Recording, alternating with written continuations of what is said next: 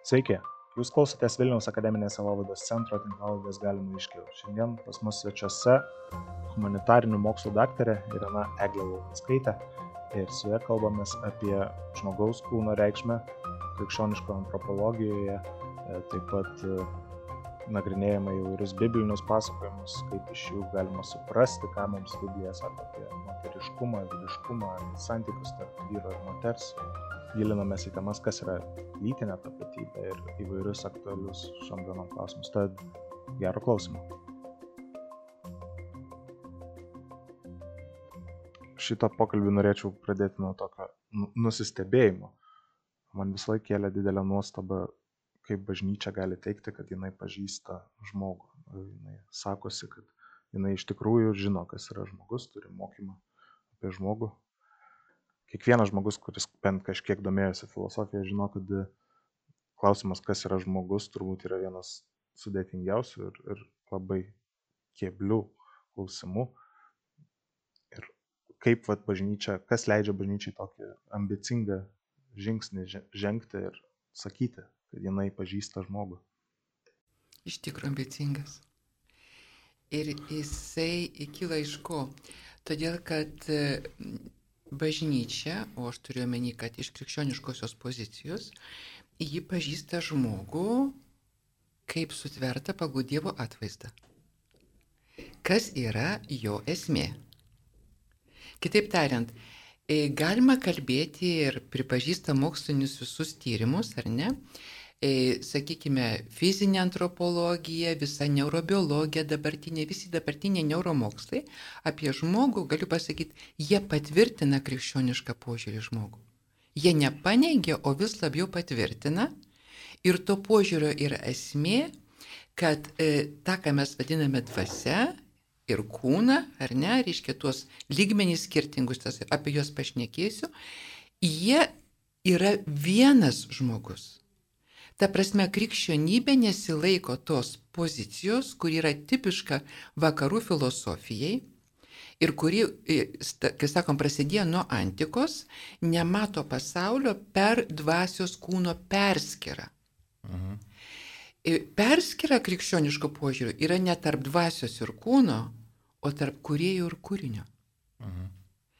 Ir kadangi puodas negali pasakyti apie puodžių viską, ką gali pasakyti, ar ne, tai jisai, jeigu yra pagal Dievo atvaizdą, vardant panašėjimo į jį, mhm. nes kai mes gagenam kaip žasis sukurtas pagal Dievo paveikslą ar panašumą, sakiau, stop, skaitom šventą raštą. Pažadėjo sukurti, bet sukūrė tik pagal atvaizdą. Panašumo dar reikia. A, a, o, bet reiškia, bet panašėjimui, taip. Mhm. Ta prasme, kad reikia, kad kažkas įvyktų istorijoje, kad būtų atskaitos taškas panašėjimui. Su atvaizdu viskas aišku. Tada kila klausimas, kągi reiškia būti pagal Dievo, nu, hebrajiškai paveikslą, ten reiškia, jeigu mes žiūrim iš krikščioniškos pozicijos ir grai, graikų kalba, kaip tai yra verčiama, pagal atvaizdą, ikon, ikona. Mhm.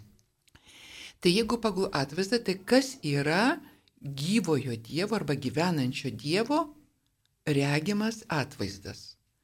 Tai reiškia kūną, žmogišką kūną ir širdį, arba veidą ir širdį, kaip sako Ratzingeris, prieėmęs antrasis dieviškos rybės asmuo, iški Jėzus Kristus. Uh mhm. Tai jis parodo žmogui, kas yra žmogus. Jėzus yra pats tikriausias žmogus. Pats tikriausias žmogus, jis mums yra pirmavaizdis, kas yra žmogus. Mhm. Nes per jį viską pas padaryta. Tai dėl to, tai dėl to aš nežinau, kas gali iki šitokios gelmės, e, kaip sakom, pretenduoti tokią gelmę. Ir suprantama, tada galima kalbėti, kad pavyzdžiui, ta aristotelinė samprata arba, sakyčiau, antikinės filosofijos samprata apie žmogų kaip, nu, va čia sakyčiau, Aristotius, kaip protingą gyvūną, kuris matomas kaip objektas, skirtingas nuo kitų gyvūnų tuo, kad turi e, protą ir valią, ar ne? Ir jis pagal tai paskui jau krikščionybei projektavo savo supratimą, kas yra Dievas, jeigu jis sukurtas pagal jo paveikslą, kaip sako. Mhm. Tai jeigu šitaip, tai reiškia, jeigu jis yra protingas ir valingas, ką jis iš, iš antikos, reiškia, pažįsta, Nu tai Dievas yra super protingas ir super valingas, kitaip tariant, jis yra absoliutus protas ir absoliuti valia. Mhm. Tai tiesą sakant, yra mūsų projekcija į Dievą. Mhm. Ir apie tai, kad jeigu mes esam pagal Dievo atvaizdą, tai atsakymas yra ne antikinė filosofijoje ir ne iš jos kylančio žmogaus sampratoje. Mhm. Kitaip tariant, krikščionybė iš karto eina į šaltinį savo ir sako, kad jeigu Dievas yra trejybė, Taip. Ir tai yra tarpusavio meilės santykis, nes vis pirmiausia net nėra, kaip sakoma, materijos ten, Dievas yra dvasia, tarpusavio meilės santykis, tai santykiškumas yra Dievo pagrindinė savybė, buvimas meilės santykiai abipusės. Tai jeigu mes esam pagal jo atvaizdą, tai mes, mūsų pagrindinė charakteristika yra neprotas ir valia, o buvimas iš santykio santykiui. Mhm. Ir tai galima patikrinti per žmogiškas patirtis. Protą ir valią mes turime kaip galės duotas. Bet šitos galios gali būti naudojamos ir geram, ir blogam. Mhm. Iš čia kilo tas supratimas apie žmogaus dualumą. Nu taip žiūrint, kaip sakoma, su kokia dvasia susidėsim. Mhm. Tai e, krikščionys e, būtent protą ir valią tapatindami su, su tom dieviškom galim, kadangi niekur kitur gamtoje nėra tokio, ne, ne, nerasi, nepačiupinėsi, ne, proto ir valios, ir, ir žmogui tai yra išskirtinis dalykas, tai jie e, akcentavo tas tokias dvasinės gebas, ar ne, sakykime. Tai žinoma. E, bet e, skaičiau jūsų straipsnį ir, ir suprantu, kad bažnyčioje e, neužtenka to, reikia kalbėti ir apie kūną, nes kūno svarba krikščionybė yra labai irgi svarbi. E, Dievas yra įsikūnijęs, ar ne? E, tai mano klausimas būtų tiesiog, dažnai yra tas požiūris, kad krikščionybė beje kūnas kažkaip suprantamas kaip tai, kas, nežinau, galbūt nuodėming, su nuodėmė siejasi, su uh, švento apaštalo Pauliaus laiškose, tas aiškiai galima užaštrinti šiek tiek tą. Jeigu skaitom lietuviškai. Jeigu skaitom lietuviškai, tvarkoj.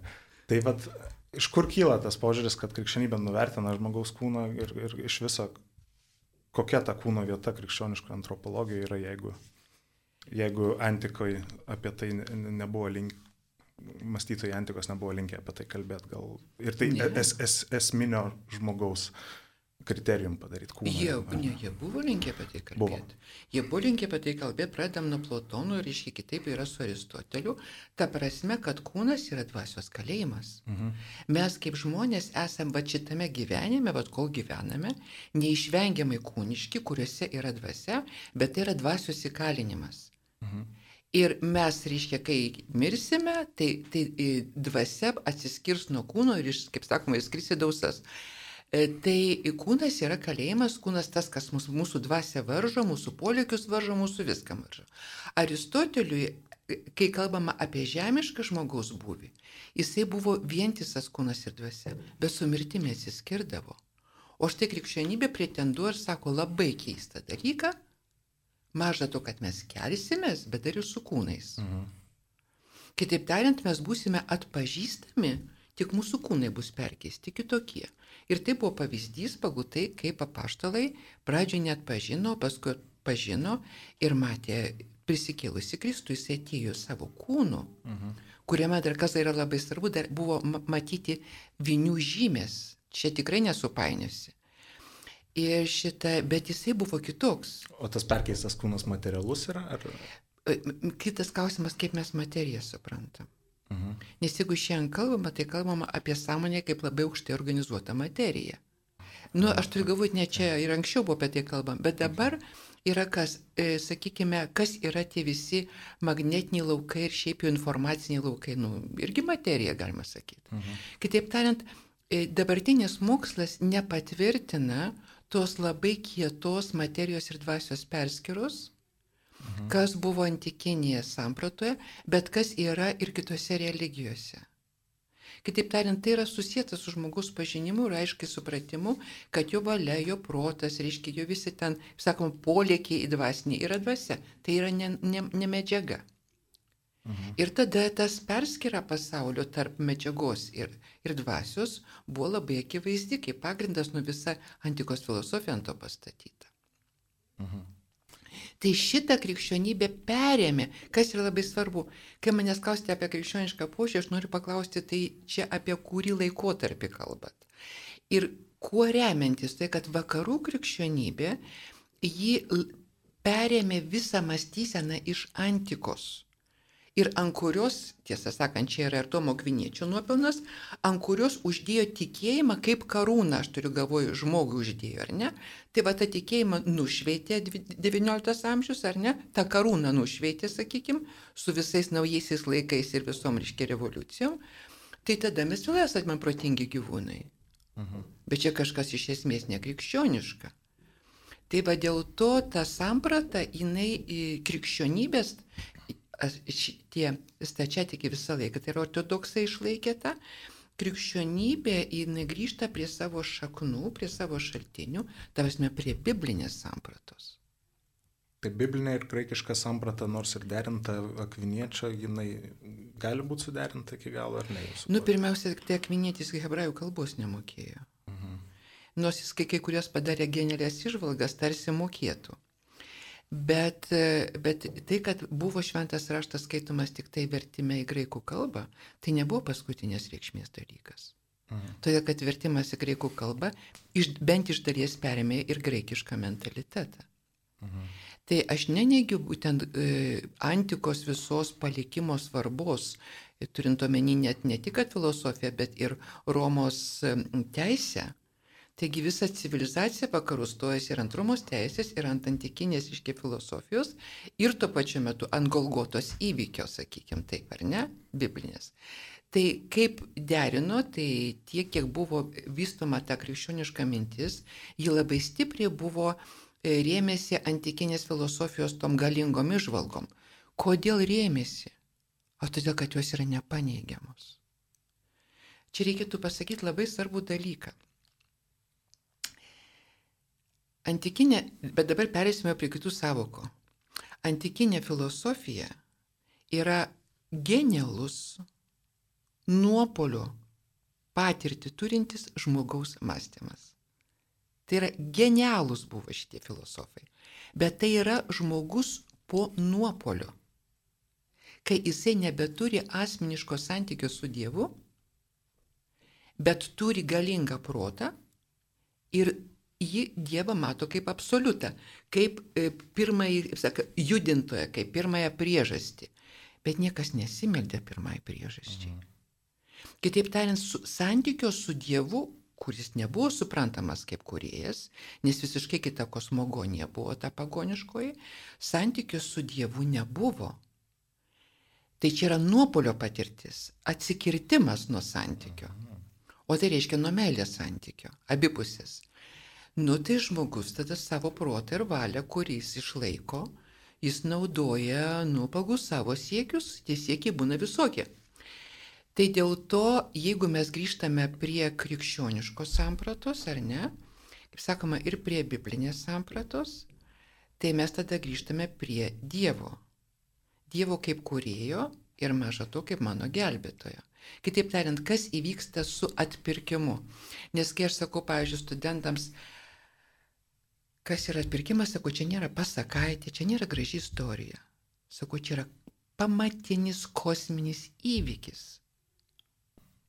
Kai yra perkeičiamas, iškia, kuria prasme, tas žmogaus kosmosas, aš nekalbu apie mokslinį šitą, žmogaus pasaulis perkeičiamas santykė su Dievu. Nes kryžius yra tas tiltas, kurį tik Dievas galėjo permesti, iškia, primdamas nukryžiavimą reiškia permesti per bedugnę, kurie žmogus atsikirto nuo Dievo. Tai tada, kas atsitinka visiems, kurie, kaip sakoma, patiria atpirkimą, taip, nu, ta prasme, po atpirkimo atsiranda galimybė grįžti į asmenišką santykį su Dievu.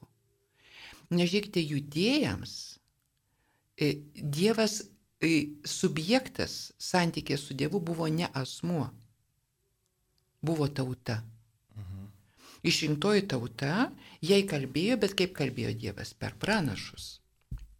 Užkiai jie buvo tarpininkai, jo žiniai savo išrinktai tautai. Su krikščionybė, ta prasme, su atpirkimu noriu pasakyti, su atpirkimu mums gražintas asmeniškas santykis su Dievu. Subjektas santykis su Dievu dabar ne išrinktoji tauta, o kiekvienas asmuo. Mhm. Nes man kažkada kilo labai svarbus klausimas, kodėl Dievas būdamas nešališkas, ava šitos pasirinko, mhm. kurie pradžiai buvo netgi labai menka gentis, e, pavergta gentis dikumoje. Iš jeigu mes žiūrim kilmę tų semitų, ar ne? Tai pa, maža gentelė pavergta e, dikumoje ir jeigu mes skaitom šventą raštą pagal tai, kaip jis buvo rašomas, tai pati seniausia knyga yra teisėjų. Ir mes ten matom tą istoriją. Mhm. Kaip stebuklingų būdų ta, ta, ta gentis maža, jinai net ne tauta dar buvo. Ir šia gentis yra išlaisvinama. Ir va tai yra jų pirmoji patirtis, kad juos Dievas veda. Mhm kad juos išvaduoja, juos veda, juos saugo. Ir man buvo klausimas, o kodėl juos? Mhm. Ir kadangi aš klausiu ir kiek Zegeto per studijas, tai jisai man paaiškino. Taip sako, sako, tik jie po to patyrė labai dėlius išbandymus. Sako tai, kad jie buvo dikumo žmonės. O jūs įsivaizduojate, ką reiškia dikumo išlikti gyvam? Tai sako, tai yra absoliučiai iš Dievo malonės.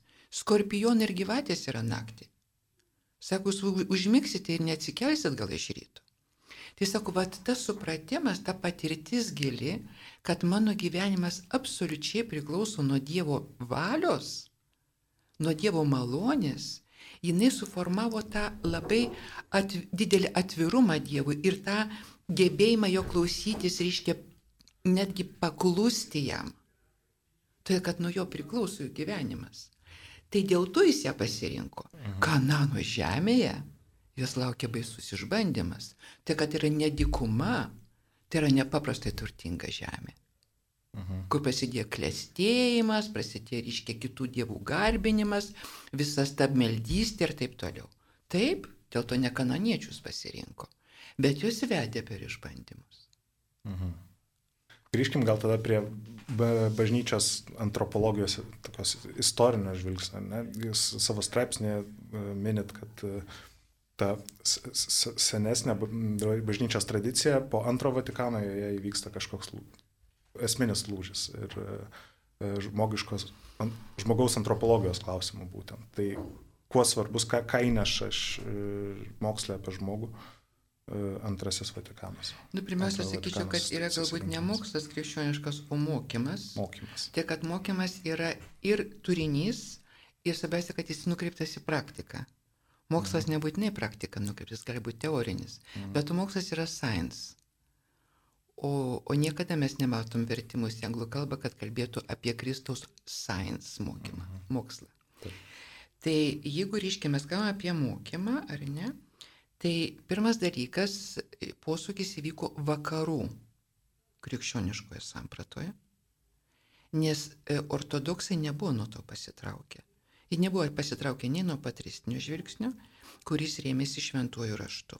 Vakarai pasitraukė toj, kad jie atsirėmė į antikos filosofiją ir visą sampratą, visą filosofinę tradiciją, mąstymą apie žmogų taip pat, iš būtent šituo. Dėl to iš tikro mes matome ir tam, kaip sakoma, genialiam Tomo Akviniečio antropologijai, kuri jeigu žiūrim nuosekliai, tai nėra tokia geniali kaip jo visa kita. Ta labai akivaizdžiai parodė, iškia tą akla, aklavietę jo antropologijoje Ratzingeris. E, tai e, jis yra iš tikrųjų kas? Tai yra iš Aristotelio paimta žmogaus samprata su valios ir, ir proto e, viravimo, reiškia skirtinumu, ant kurios uždėjo tikėjimą kaip karūną. Mhm. Nu, bet aš sakau, 19 amžius tą karūną nušveitė. Mhm. Tai ką mes turime tik tai protingą gyvūną. Bet čia kažkas nesiderina su, su šventųjų raštu. Ir kai vyko tie pokyčiai, kai biblistika katalikų bažnyčia vystėsi, nes, reiškia, pirmiausia, jau, jie pradėjo protestantai jau, jau gilintis į biblistiką. Iš kaip katalikai perėmė ir kaip visą tai keitėsi iki Vatikano antrojo susirinkimo, tai Vatikano antrajame susirinkime vyko antropologinis posūkis pirmiausia.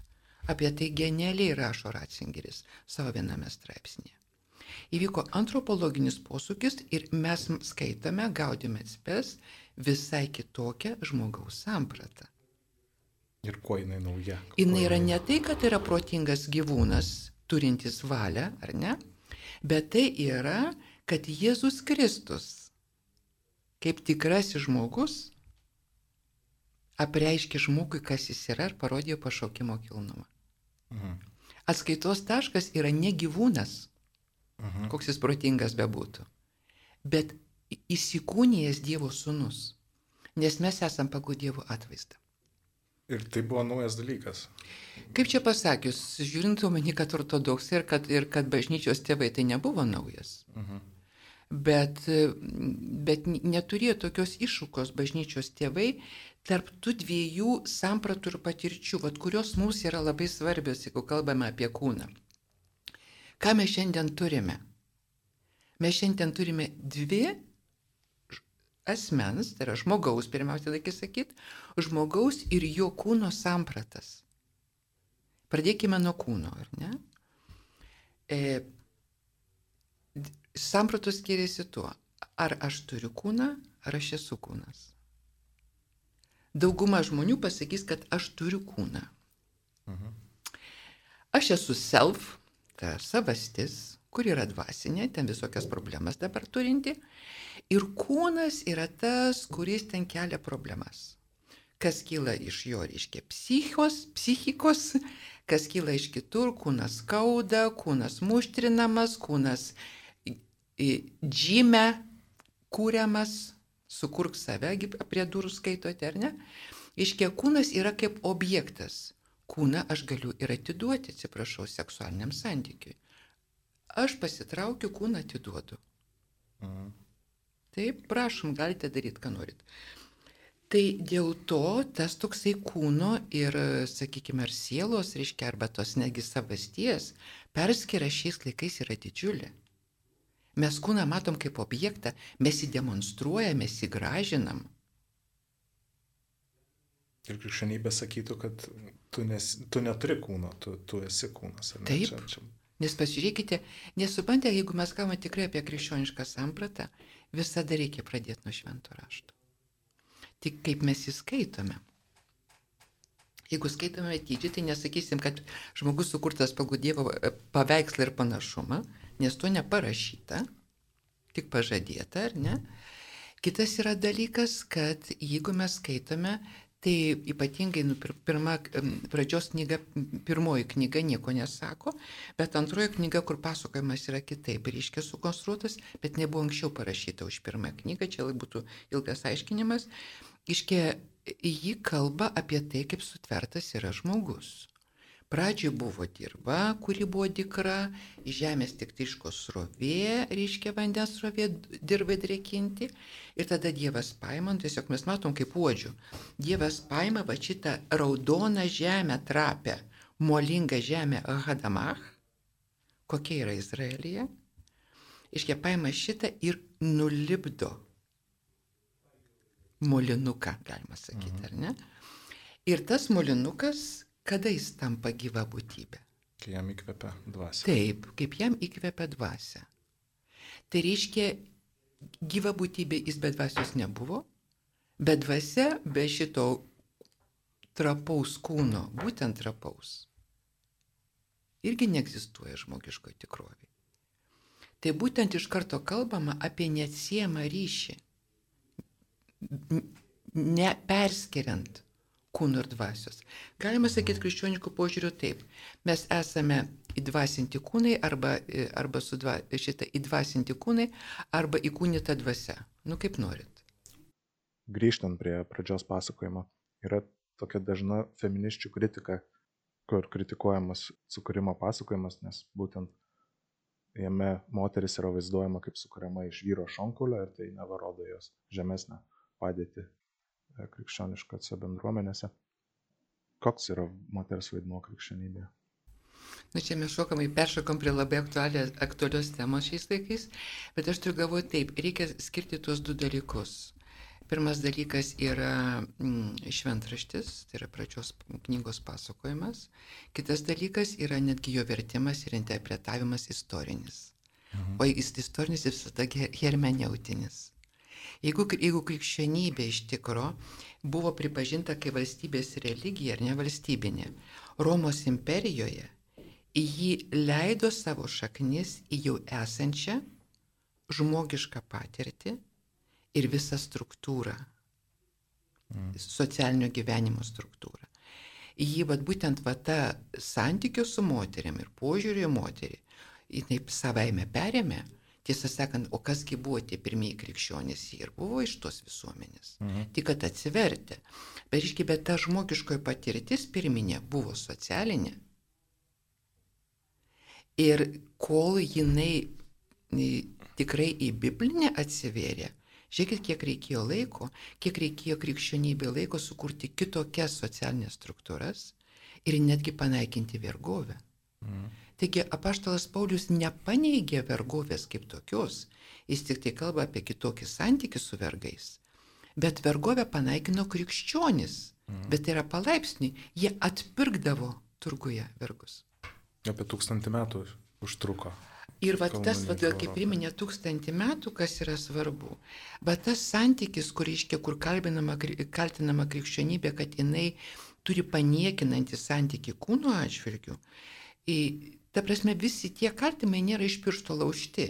Tik reikia paklausti taip, jūs čia kalbate apie ką? Ar apie istorinę patirtį krikščioniškoje visuomenėje, ar jūs kalbate apie krikščionybę kaip tokią, kuri remiasi šventuoju raštu. Ar ne? Ir įvykių, Kristaus įvykių pirmiausia. Taip? Tai jeigu mes kalbame apie tai, kas buvo istoriškai, nu iš tikrųjų moteris buvo antrailė. Nuo antikos pradedant.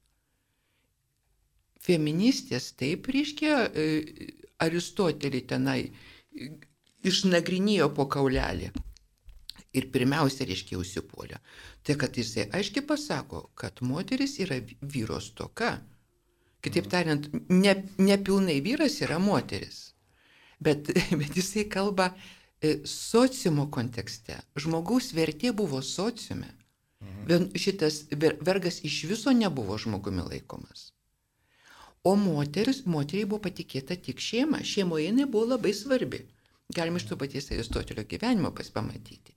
Šeima yra labai svarbi, bet visuomeniai, kur yra svarbesnė už šeimą, nežinant, kokia šeima buvo vertinama, visi pasiekimai, visi supantė užkariavimai, viskas vyko, reiškia, šitame ligmenyje, viešoje erdvėje, noriu pasakyti. Mhm. Ten absoliučiai vyravo vyrai. Mhm. Vieša erdvė pas Aristotelį užima hierarchiškai aukštesnė. Absoliučiai. O viešoje erdvėje filosofai pačia aukščiausia. Mhm. Tai šitą aš turiu galvoj viešoji erdvė, kuri buvo vyrui patikėta. Tai moteris nepilnas žmogus, Aristotelis. Tai, nu, nepilnas vyras, noriu pasakyti. Nu, taip. Mhm. Ir jeigu mes skaitome Aristotelio mm, šitą e, tekstus, tai taip mes ten matom antropos ir matom uh, andros kaip vyras, bet mes nematom mm, prosopon asmens. Ir pripaišyti Aristotelio asmenį yra neteisinga. Tai kad net nebuvo vartojama šitą savoką, jinai buvo visiškai kitos kilmės. Jis kalba apie rūšį, bet ne apie... Jis tai kalba apie individų rūšį, būtent. Mhm. Jis, kal, jis taip reiškia, dėl to paskui yra auto naudojimas, mhm. jis kalba ir apie auto. Tai yra mhm. individas, kuris yra santykinai autonomiška būtybė, nes jisai, nu kaip gyvūnas juda, pats gali apsiriškia, judėti, pats maitintis ir taip toliau. E, jis yra, e, jis yra autonomiška būtybė. Ir e, būti autonomišku buvo nu, kriterijus. Autonomiškesnis žmogus yra, tiesą sakant, visuomenė nešima, tai priklausoma labai nuo jo statuso. Mhm. Tai, dėl to, tai dėl to krikščionybė labai daug ką perėjo, perėmė iš tos kultūros, iš tos visuomenės. Tai jeigu mes kalbame apie tokį požiūrį į kūną, tai žinoma, tas požiūris buvo ir antikoje, ir požiūris į moterį buvo atitinkamas santikoje, bet mes galim dar pridėti kitą dalyką. Kai krikščionybė pradėjo tvirtinti, taigi Romos imperijos žlugimas buvo po to gan greitai, ar ne? Tai, o jau užkariavo kas? Barbarai. Tokia civilizacija. Mm. Lygiai taip pat kaip tie, reiškia, e, mažoji gentis, nu, pato jau, reiškia, tapusi tauta, e, ji užkariauna, užkariauna didžiulės valstybės. Iš kur šitas? Tai pirmas yra dalykas, kas, čia šiai dienai moralė, kas sužlugdo civilizaciją, Tai yra baisus palaidumas. Kai žmogus iš tikro pradeda vadovautis jūslėmis, jis praranda savo žmogišką struktūrą, nes jūslės absoliučiai dominuoja, visi dvasiniai ir kiti dalykai pasitraukia kažkur kitur arba netgi pajungiami šitam. Tai barbarai užkariavo tokią galingą imperiją, o krikščionybė tūkstantį metų kovojo su palaidumo pasiekmėmis visuomenėje. Mhm. Tai dėl to baisiai muštrino kūną. Bet grįžtant prie to vat, minėto pasakojimo apie moterį iš Šonkaulio, tai ta interpretacija čia, ar, ar, ar yra ką atsakyti feminiščių tokiai kritikai? Nu, pirmiausia, taip. Kas yra labai svarbu? Mes negalim e, šiaip jau švento rašto skaityti tik eilutėmis. Iš čia ir atsiranda ta samprata, reiškia tokia, va taip, taip. Iškiai mes skaitom kontekste. Jeigu skaitom kontekste, mes turim skaityti visą pasakojimą. Jeigu skaitom visą pasakojimą, pasižiūrėkite, reiškia, negera žmogui būti vienam. Kalba apie žmogų, ar ne? Apie domą kaip žmogų. Padarysime jam tinkamą bendrininką. Anksčiau sakydavo padėjėją. Labai teisingai. Padėjėjas nenumenkinamas. Kas gali jums padėti, išskyrus tą, kuris mato, kur jums reikia padėti. Mhm. Taigi nepasintinu, kas yra padėjėjas. Man padėjėjas gali būti tik toks pats kaip aš. Arba dar protingesnis, kuris mato, kur man reikia padėti. Tai šią prasme reiškia reikia kito, kito kaip bendrininko, ar ne, taip rūpšys verčia. Mhm. Bendrininkas irgi bendrininkas. neturi. Taip, taip, taip, taip, taip, taip, taip, taip, taip. Ne, aš turiu galvoje, jeigu Anas turi, tai bendrininkas neturi, dėl to mhm. pasirinko. Nu gerai, Bet ką jis daro? Jis nekuria iš karto moters. Jis įkūrė gyvūnus. Mhm. Ir žmogui dalyvaujant. Ir leidžia jam juos pavadinti. Koks bus vardas, tokia ir bus to gyvūno paskirtis. Žmogus pavadina gyvūnus, suteikia jiems vardus. Vardas yra labai galingas dalykas. Nes vardas reiškia sąlygoja, kaip sakoma, perspektyvą. Vardų davimas yra gan svarbus dalykas buvo antikoje. Nu, aš turiu galvoj, tam pasaulyje. Nu, ir sutikė vardus ir supranta, kad tinkamo bendrinko tarp jų nėra. O tada Dievas jį užmigdo gilių miegu. Kam? Kad jis nematytų šito proceso, o tai yra negalėtų valdyti to, kurį jisai padarys. Mhm. Kada Domas pabunda, kada atveda Jėvą. Mhm. Jis pabunda iš nuostabos ir pirmą kartą prakalba. Prieš tai jis nekalbėjo.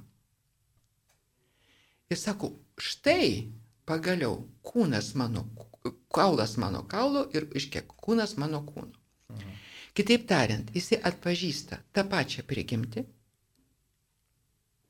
tą patį, kaip sakoma, tvirtumą, tą patį trapumą, bet kitoniškumą. Kitaip tariant, ta Adomas tampa vyru moters akivaizdoje. Mhm. Gražu. Ne šonkolis išima iš šono. Mhm. Dalis iš žmogaus išimamas, kad iš to padarytų moterį. Nu, kai kurios feministės sako, tą tai iš, iš molio padarė, o mane tai žmogaus. Mhm. Mhm. Bet, reiškia, iš molio buvo žmogus, ta prasme, ne, ne, ne vyras. Tai kodėl, bet žiūrėkite, čia yra taip, jeigu mes giliau žiūrime. Mes įsiskleidžiame pilnai kaip vyrai, tobulos moters akivaizdoje ir kaip moteris tobulo vyro akivaizdoje. Ir mes visą laiką ieškome tokio. Tai kad kitas yra mano pilnatvės sąlyga. Mhm. Tai kitas priekaištas yra būtent Pauliaus laiškose minimas tas dažnas skaitinys, kurį jaunavedžiai renkasi, e, daugeliu atrodo labai ne, atsiliekant nuo modernių tendencijų. Tas pasakymas, kad jūs turite būti paklusnas vyrui, nes vyras yra šeimos galva. E, tai va, čia Ar, ar šitoj vietoj nematot kažkokio, nežinau, lygybės principo pažydimo ar ko nors? Nu, apie kokią mes lygybę kalbame? Arba ab, vyro ir moters kaip asmenų lygiai vertiškumą, ar mes kalbame apie jų vienodumą? Jeigu mes lygybę vadiname, reiškia, vienodumu, nu tai dabar yra toks dalykas kaip unisex. Taip? Mhm. E, dabar galima neigti, kad reiškia, kad moteris yra, reiškia, ir biologiškai sąlygota, taip? Reiškia, nu, visą tai, kas jinai, kaip jinai reiškiasi, vad lytis yra. Bet tada, kaip galima teikti, kad homoseksualumas yra prigimtinis, jeigu nėra tų visų skirtumų. Nu, čia aš tiesiog šitaip užmetu. Bet noriu pasakyti, tai pirmiausia, pirmiausia, reikia pasižiūrėti originalą e, Pauliaus laiškų. Perskira yra ne nuo 22 eilutės 5 skyrius laiško feziečiams, o nuo 21.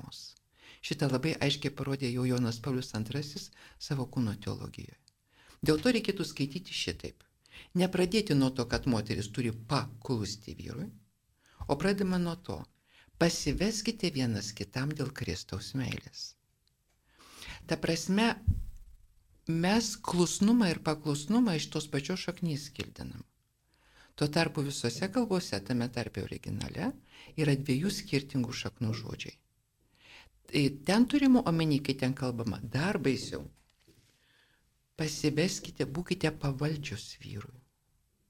Pasiveskite vyrui. O taip. Bet prieš tai pasakoma, pasiveskite vienas kitam dėl Kristos meilės. Mhm. Jeigu mes pradėm nuo to, kad pasiveskite vienas kitam dėl Kristos meilės, mes neakcentuosime moters, tik moters pasivedimo.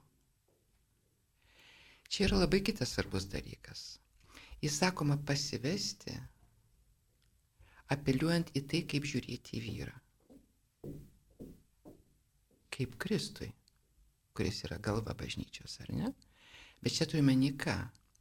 Aš galiu pasivesti lygiam man, lygiai verčiam man, tik tokiu atveju, jeigu aš klausausi Dievo.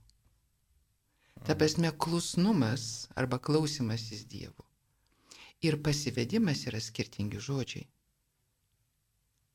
Aš galiu pasivesti kitam, kuris man duotas, reiškia tam ypatingam santykiai, bet pradžiai sako abipusiai pasivesti. Tik tuo metu, kai aš klausausi Dievo. Tik tokiu būdu. Nes kitaip aš sukilsiu labai greitai, žiūrint iš savo žmogiškos pozicijos. Aš, nu, jeigu aš klausausi, o ką jis tuo nori pasakyti? Dažnai ne apie mane, o apie save. Tai dėl to, e, tai dėl to, jeigu mes taip skaitome, tai yra svarbesnis kitas dalykas. Ne tas, ne tas pavaldumas vadinamas, apie kurį kalbama ab, abiem, suprantate? Yra svarbesnis dalykas tas, kad iš moters prašoma gerbti vyrą. Tiesą sakant, kad šiais laikais yra sunkiau negu mylėti. Sakau, už ką aš čia turiu jį gerbti? Keurai matau. Kitaip tariant, bet sako, kas toliau iš tikro, moteriai prašoma vyrą gerbti, kad jis galėtų ją mylėti taip, kaip Kristus savo bažnyčią gyvybę atiduodamas arba gyvenimą atiduodamas. Tai netgi yra dabar literatūroje, tokia psichologiniai, labai rimtoje literatūroje, kad vyrui svarbiau yra pagarba iš moters. Tada jis gali mylėti. Mhm. Tai šitas rašoma laiškė feziečiams. Ir šitą labai sunku šiandieniniai moteriai priimti. Aišku, kad ger... prašymas gerbti ir vyro yra moters atžvilgio. Taip, taip, bet aiškiai, bet jo, jo pagarba, tas pažymas nėra kaip sąlyga. Tai, tai yra skirtinga, skirtingai traktuojama tada moters ir vyro, sakykime, ko iš jų prašoma, ar, ar tai visgi tas pats prašymas? Aš sakyčiau taip, e, pagarbos ir meilės e, prioritetų, nu, ta prasme, pirmenybiškumo, kas pirmas, kas antras. Mhm. Vyrui jam labai svarbu, kad jį gerbti, jis tą gali visiškai save atiduoti ir mylėti. Iškiai, nu, save visiškai dovanoti. Moteriai labai svarbu, kad jie mylėtų. Mhm. Gerai. Įdomu, šitą skirtumą niekada ne, nemaščiau apie jį. Nu, žinote, aš kalbu apie tai, nes, nu, jau už tokius dalykus, suprantate, šią prasme aš tikrinu, krikščioniškosios antropologijos tiesas. Ir aš tikrinu, žinote ką, ir per mokslinius atradimus paskutiniuosius, ir per tiesą sakant netikinčių žmonių atpažįsta, atpažįstamas patirtis. Man reikėjo įsitikinti, kad tikrai krikščionybėje, būtent krikščioniškas naujadaras yra asmuo. Ir tikrai asmens iki to laiko nebuvo. Buvo individas, kuris savaiminės vertės neturi. Individas nėra unikalus, jo skirtingumą nuo kitų, aš kalbu galbūt apie žmogų, mhm. nu, samprato viso antikiniai. Jo skirtumą nuo kitų individų sąlygoja kas? Iški jo charakteristikos. Bet kodėl aš apie tai kalbu? Taigi šitą sampratą yra dabartinė mūsų. Mes iki šiol gyvenam nuopolio patirties sampratoje, mhm. kuris atpirkimų nėra panaikintas. E, antikos žmogaus samprata, jinai negali būti atmesta tikrovė jinai negali būti atmesta. Jeigu aš pereisiu kitas kategorijas, kas gali netikinčiam labai keistai skambėti, nuopolio patirtis iki šiol egzistuoja. Ji nėra panaikinta. Mhm. Dievas su mumis nesilgia kaip su kačiukais, kurie krito į srutų kibirą, kurį reikia ištraukti, nupurtyti ir pastatyti, reiškia, ant, ant sauso žemės, tada, kaip sakoma, atsigauna ir, ir prisiminti negali, nenori. Ne, žmogus jam yra sąmoninga būtybė, kuriai duota laisvė. Mhm. Nes laisvė yra asmenį konstituojantis pradas. Tai reiškia, jeigu žmogus sukurtas laisvas, dėl to jis ir galėjo nupulti. Tai, tai kad praeitį įvykęs Kristaus įvykis, dar nereiškia, kad jisai įvyksta kiekvienam, ar ne? Čia o, o kam tada reikalingas tikėjimas? Mhm. Suprantate, kas yra? E, nuopolio samprata egzistuoja, jinai nepanaikinta. Tik nuodėmės gale absoliuti panaikinta. Jis nebeturi absoliučios galios. Iškia mirtis nebūt, neturi visiškos galios. Kitaip tariant, kas, kad jeigu mes atsiveriam asmeniškam santykiu su Dievu, mumise skleidžiasi asmuo, kurį mes kiekvienas gimstame kaip asmenys. Bet labai dažnai, sako, gimstame kaip atvaizdas, kaip atvaizdas o mirštame tik tai kaip kopija. Mhm. Tai dėl to aš turiu galvoje, nu, va, tas antrinis variantas, ar ne? E, aš turiu meni tai, kad mes galime net pažinti savęs kaip asmens. Bet, ta prasme, nesielgti kaip asmenys. Bet to visuomenė mūsų tą skatina. Kas yra žmogus, kokia yra žmogus vertė visuomenėje? Labai gražiai rašoma žmogus teisų deklaracijoje, daugelį valstybinių dokumentų. Žmogus reiškia orus iš prigimties. O kodėl jis orus? Orumas iki šiol yra jo paminamas. Su žmogum elgesimasi funkciškai, kaip su priemonė. Kas tos deklaracijos reiškia, jos nieko nereiškia, mes negalim paklausti, o kodėl jo orumą reikia gerbti. Tai kad jis negali būti naudota kaip priemonė, sako Kantas. Gali. Antikoje naudoja ir dabar naudoja, dar meistriškiau negu antikoje. Mhm. Tai jeigu žmogus yra kaip individas, o visuomenė tik šitaip impostuluoja, jis nėra savaime vertingas, jis nėra unikalus, jis yra vad gyva būtybė, protinga, daugiau ar mažiau, valinga, daugiau ar mažiau, ir kuri vertinama pagal ką? Pagal svarbes charakteristikas visuomeniai.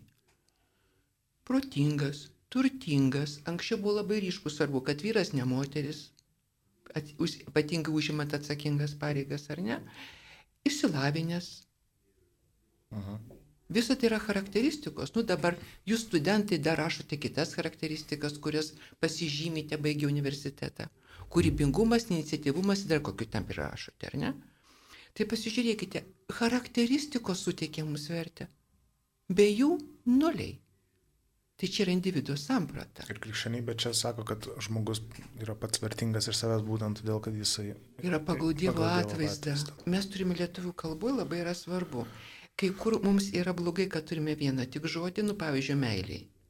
Kaip e, graikai turi keturius, mhm. mes turime vieną žodį kūnui, kaip visose kalbose kultūrinio arealo yra du žodžiai kūnui, Dėl to ir skaitome Paulių šiek tiek sutrikę. Nes iš kitų pačių žodžių verčiama skirtingi dalykai, ar ne? santykinai skirtingi. Galime dalykai. gal iš šitą leistis, šiek tiek, vat, tie du sk- skirtingi dalykai galit išplėsti, e, kuo jie skiriasi. Nu gerai, tai aš paklausiu taip.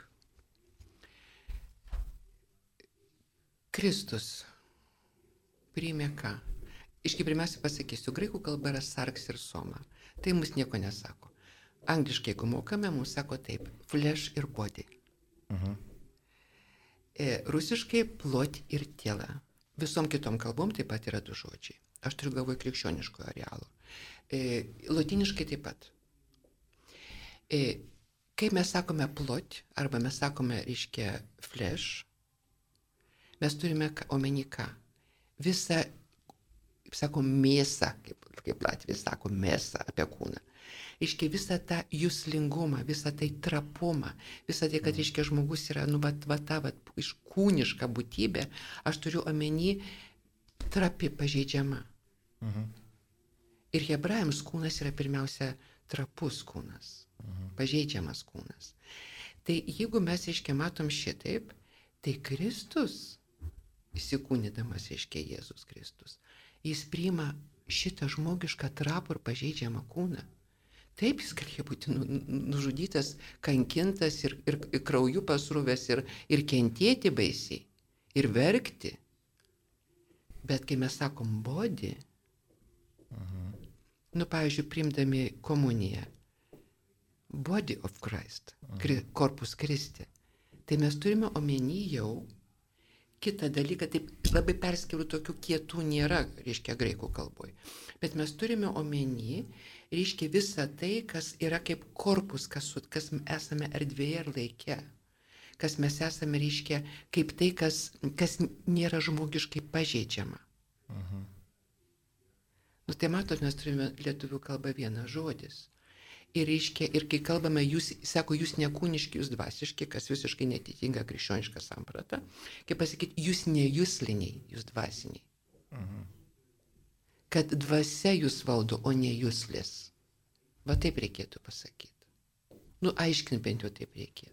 Bet jūslės nė- nėra kažkoks blogas dalykas vis tiek. Be jūsli mes neišgy, neišgyventumėm. Į ugnį kristumėm. Vis ir tiek taip- tas keistas. tas Ne, bet aš turiu apaštalo, Toks skirimas, kad... Nes jį skaitant atrodo, kad, dvasiniai dalykai yra tie gerieji, sakykime, jūsliniai, dabar įvedus tą šiek tiek aiškesnį skirimą jūslių ir kūno. Tai jie, jie dažniausiai blogesni, tai, tai taip skaitant man bent jau visą laiką Nu, tai- turi kovoti su kūnu ir, ir taip toliau. Vat. Su jūslėmis, aš turiu menį. Mhm. Tai kad iškia kas yra, ne, jeigu galim kalbėti vat, apie tai, vat, antropologiniškai žmogiškos būtybės atžvilgių, kas įvyksta su žmogum su nuopoliu, ar ne, tai harmonija jo kūne. Nes tiesą sakant, mes turime ne, ne sielą ir kūną, bet žmogus reiškiasi per skirtingus matmenis. Mes negalime žmogaus sandaros taip kaip Aristotelis piešti, kaip sudėtinės dalis paskiras, ar ne? Iškiai, jeigu žmoguje viskas yra viena, ar ne, tai yra lygmenys, per kuriuos reiškiasi visas žmogiškumas. Yra dvasinis ligmuo, psichinis ligmuo ir kūno ligmuo. Tai aš noriu pasakyti, kad dvasinis ligmuo visada reiškiasi ir per kūną. Jūsų pergyvenimai matosi jūsų kūne, galiausiai dažnai lygomis išvirsta. Suprantate, jūsų džiaugsmai reiškia jūsų psichinės reakcijos, reiškia per šypseną, per kūną. Aš iš ko žmogų matau, kad jis myli? Iš jo žvilgsnio, iš jo reakcijų. Mhm. Nu taigi aš viską per kūną matau visą ir reiškia jo tą psichinį ir dvasinį pasaulį. Nu tiek, kiek jisai atviras yra. Tai dėl to mes negalime taip kalbėti, bet reiškia pirmas dalykas, žinokime, kad Paulius šiaip tai buvo žydas, bet Pauliaus laiškai tai yra priskiriami Pauliui, taigi rašė, reiškia, Paulius tos bendruomenės ir taip toliau. Bet to graikų kalba tai yra, mm, suprantate, jau vėlesnė, reiškia, kalba, aš turiu galvo, čia neramėjų kalba. Nu, kitaip tariant, čia mes turėtum labai aiškintis iš tikrųjų, ką iš tikrųjų Paulius pasakė, ką reiškia, kas yra kilę iš Pauliaus bendruomenės. Bet aš turiu omeny kitką, kad jūslės su nuopoliu tapo nebevaldomos. Jos kaip arkliai zovada pasileidžia. Ir dėl to jos vis, jas labai lengva išprovokuoti. Kuo remiasi mūsų vartojimo kultūra? jūslių dirginimu. Tai kad jos egzistuoja nu, neišvengiamai, per jas mes patraukiami esame.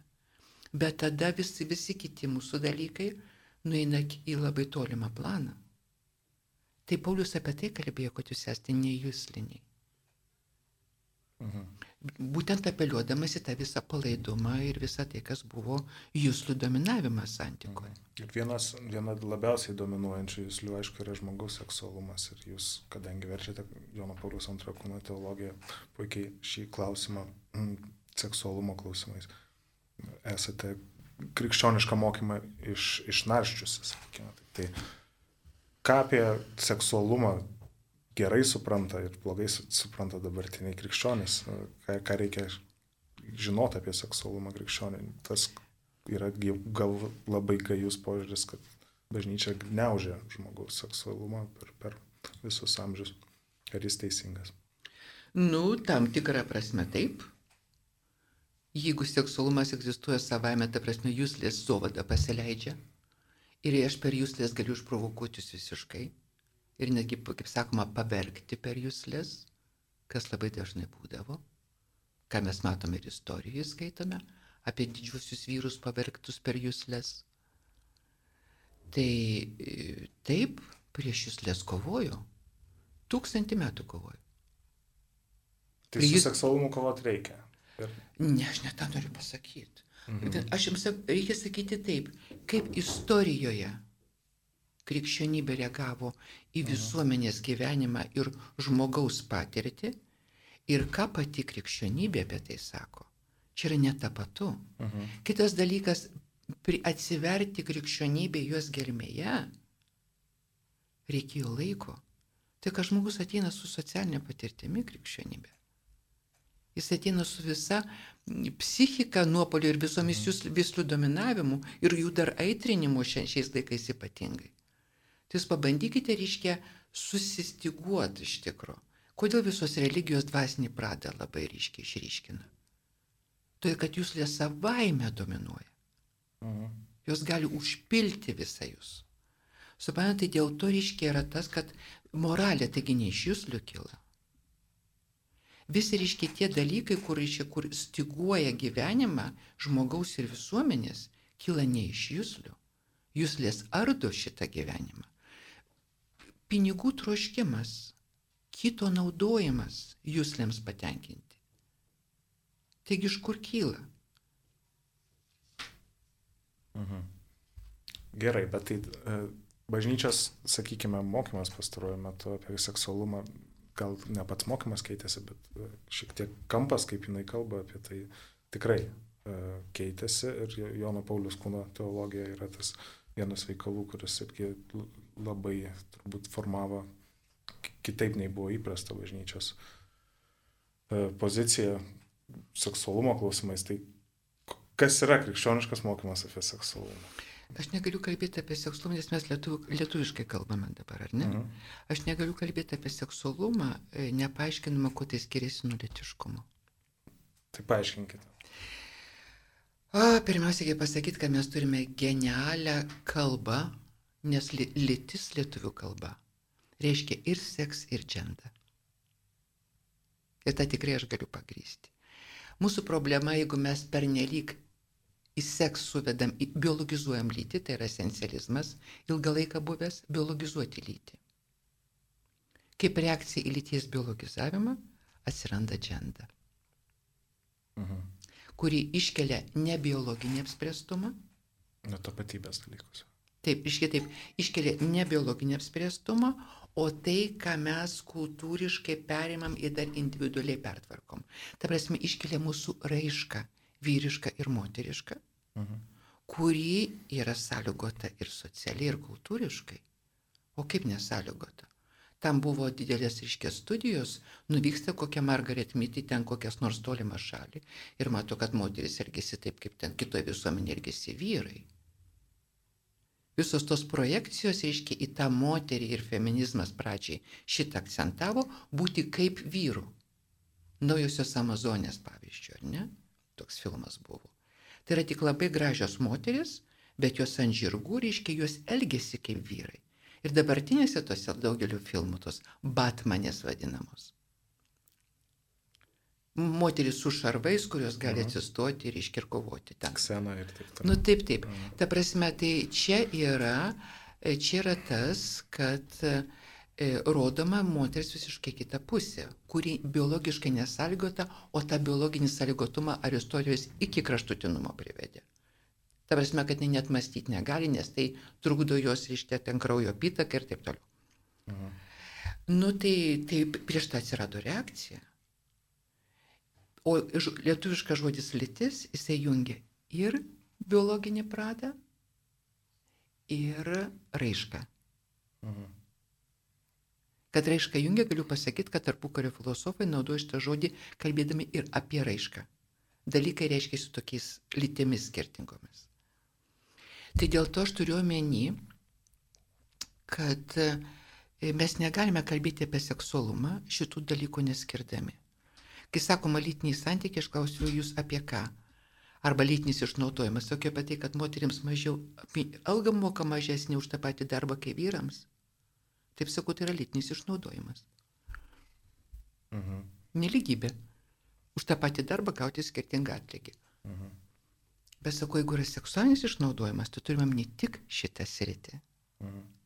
Ir kai mes kalbam apie seksualinius santykius, mes pirmiausia turime tai, kas yra ir angliškai sexual relations, tai, kas susijęta su jūsų psichofiziologiniam funkcijom.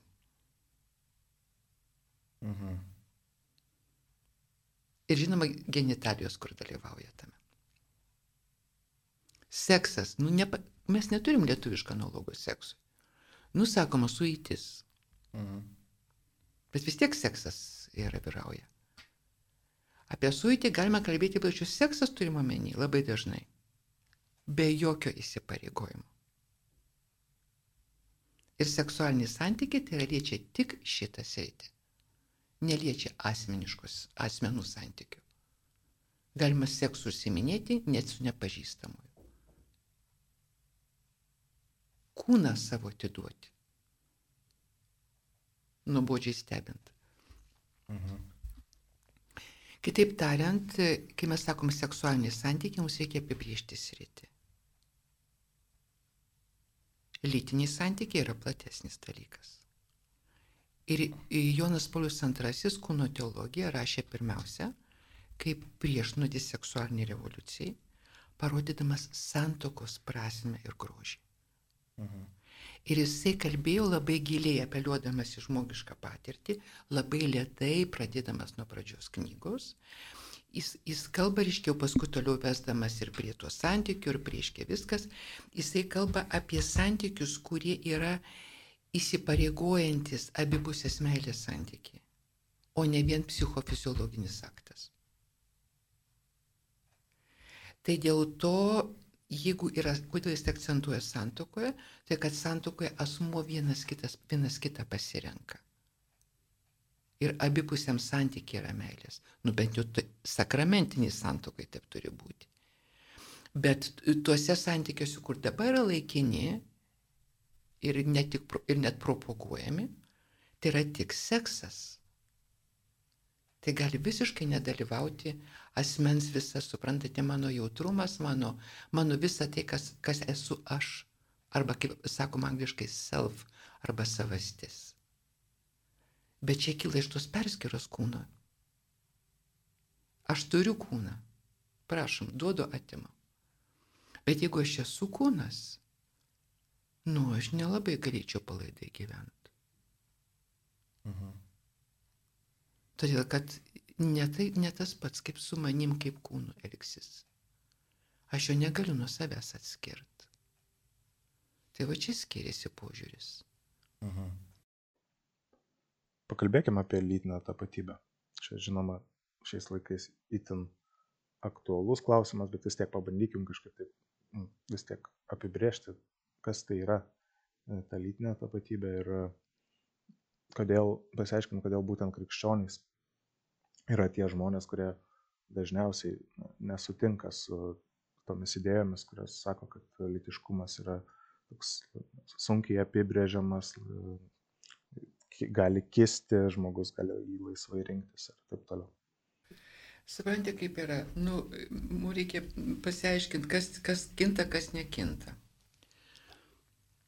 Kisti gali raiška. Tas, kas yra dženda. Bet jinai nėra savarankiška. Nuo to, kas aš esu.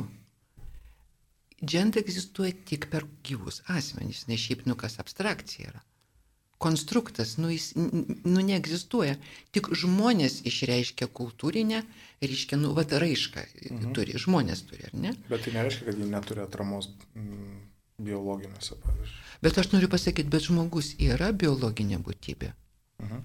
Tai aš negaliu tai, kas yra e, biologiška prieš pastatyti, tai, kas yra socia socialu, ar ne? Nes tai egzistuoja viename žmoguje. Nei lyties kaip tokios nėra atskirai be žmogaus, nei dženda atskirai žmogaus nėra. Ta prasme, tik tai su subjektu tai egzistuoja. Gyvu, ar ne? Tai kai kas netgi mūsų raiškoje kyla iš mūsų biologinio prado. Mhm. Mes tai matome mažose vaikuose. Tai dėl to aš sakau, kad mes negalime čia atskirti džendą nuo seks. Ir lietuviškas lytis šitą sus, sujungia, neatskiria. Ir tai jūs matot kaip privalumą. Tai žinoma, Mhm. todėl kad mes, mes tą konstruktais nežaidžiam. Mhm. Lytiški yra tik žmonės, gyvūnai yra lytiški. Nu, sakom, patelė patinas. Bet mes nesakom vyras, moteris. Mhm. Gyvūnai turi ką? Lytį ar ką? Nu, aš kažkaip, gal ir sunkokai apsiverčia liežuvis, bet taip bandyčiau sakyti, nu, patelė Mes- moteriškos. nu, giminė, giminė. Giminė, teisingai, turi giminę. Tai, kas galima suvesti į gimti, tai, kas yra giminė, lietuvių kalboje žodis yra vyriškos, žodžiai yra vyriškos, moteriškos giminės. Tai, kai yra, turi labai apibrieštą skirti. Ar ne? Ir ta apibriešta skirtis yra visada turi kažkokį tai pagrindą. Nu, kalboje vieną pagrindą, gyvose būtybėse kitą pagrindą. Nu, tai yra genitalijos, tai yra kūno sudėtis, tai yra visas funkcionavimas kitas, tai yra gebėjimas duoti gyvybę. Mhm. Ir kai sako Zahar ne, nekeba pradžios knygos pirmam skyriuje, ir antrą kartą pasako tik tai tada, kai nojus vedasi gyvūnus į laivą, patelę ir, reiškia, ir, ir, ir patinėlį, ar ne, kalbama tik tai apie tokį skirimą. Žmonių pasaulyje yra lytis, Mhm. Ir lytis tada išskirtinai žmogiškas dalykas. yra? išskirtinai žmogiškas. Mhm. Todėl, kad jinai turi, tai kad žmogus yra ir dvasia. Mhm. Tai lytiškumas turi būtinai, su, yra susijęs su, su dvasia, ar ne? Ne, lytiškumą aš noriu pasakyti, nu raiška tai yra dvasia. Tai raiška yra ne tik mano judesys kūno, bet mano ir žvilgsnis, mano kalbėjimo būdas, mano mąstymo būdas, ar ne? Tai yra susijęs su dvasia. Ir dėl to, reiškia, mes kai kalbame apie tai, nu raiškose, aš sakau, tai ir mes nu, išeiname labai tokius plačius dalykus, bet be subjektų tai neegzistuoja. Mhm. Ir lytinė tapatybė, aš negaliu raišką atskirti nuo savo biologinio prado. Mhm.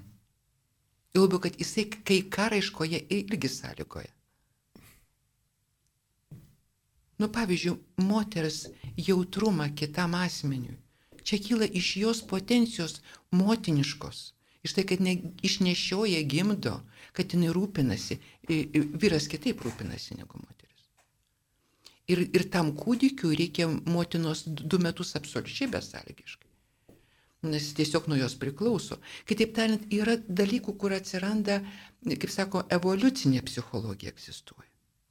Mhm. Bet yra susijęta su mūsų biologiniu pradu ir dar be to reiškia visą gyvensenos būdą. Nu, klausykite, nu vyrai nie, niekada negimdys. Nu, nebent jie yra tikri, tikros moteris, bet reiškia e, kitą pavydalą priemusius. Nu, ką, ką mes kalbame apie translyčius. Bet suprantate, bet reiškia mes negalime šito paneigti, yra jokinga paneigti. Nu, niekas mokslė šitame savo neleidžia. Čia tik ideologija savo šitaip leidžia. Mhm. Tai dėl to mes negalime tuos dalykus atskirti, kai mes kalbame apie lytinę tapatybę. Mes turime omeny ir šitą ir kitą. Lytinė tapatybė yra formuojasi palaipsniui. Kodėl mes dabar turim lytinę sumaištį? Tai kad yra sutrikdytas formavimasis. Ką kame sutrikdytas? Pirmiausia, lytinė tapatybė formuojasi kaip? Vaikas labai pradeda skirti savo kūno panašumą į ką panašumas. Ar į mamą, ar tėtį, reiškia, nu, jis vis tiek, jis domisi labai pradeda. Mhm. Iškis, jis žino, kad jis kaip tėtis, jeigu jis yra berniukas, arba jis kaip mama, ar ne? Ir ta prasme, jis vis tiek savo genitalijas nagrinėja ir ten, kaip sakoma, analogijas randa. Kitas yra dalykas, e, kad, reiškia, jisai tada turi atskaitos taškus ir elgesio požiūrį. Bet, bet formuojasi santykiai ir su vyru, ir su moterim, jeigu yra normali raida. Mhm.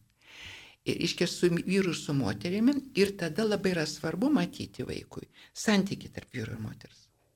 Jeigu jis turi sveiką emocinę aplinką, tėvą ir motiną mylinčius, tada lytinė tapatybė susiformuos ir jinai neturės tokių sutrikimų. Nu, to labiau, kad anksčiau nevykdavo ideologija šitaip. Kitas dalykas, anksčiau labai normaliai žiūrėdavo, jeigu paauglystėje, nu, yra sumaištis tam tikrus. O kodėl jos atsiranda? Todėl, kad nu, visas pubertatinis periodas, visas, reiškia, sek, nu, tas seksualumo mūsų pagrindas atsiranda. Iškia, vystosi mūsų hormonai vyriški ir moteriški. Tai žinoma, ten nu, yra tas kūno artumo poreikis. Bet jeigu mes turime pagrindus,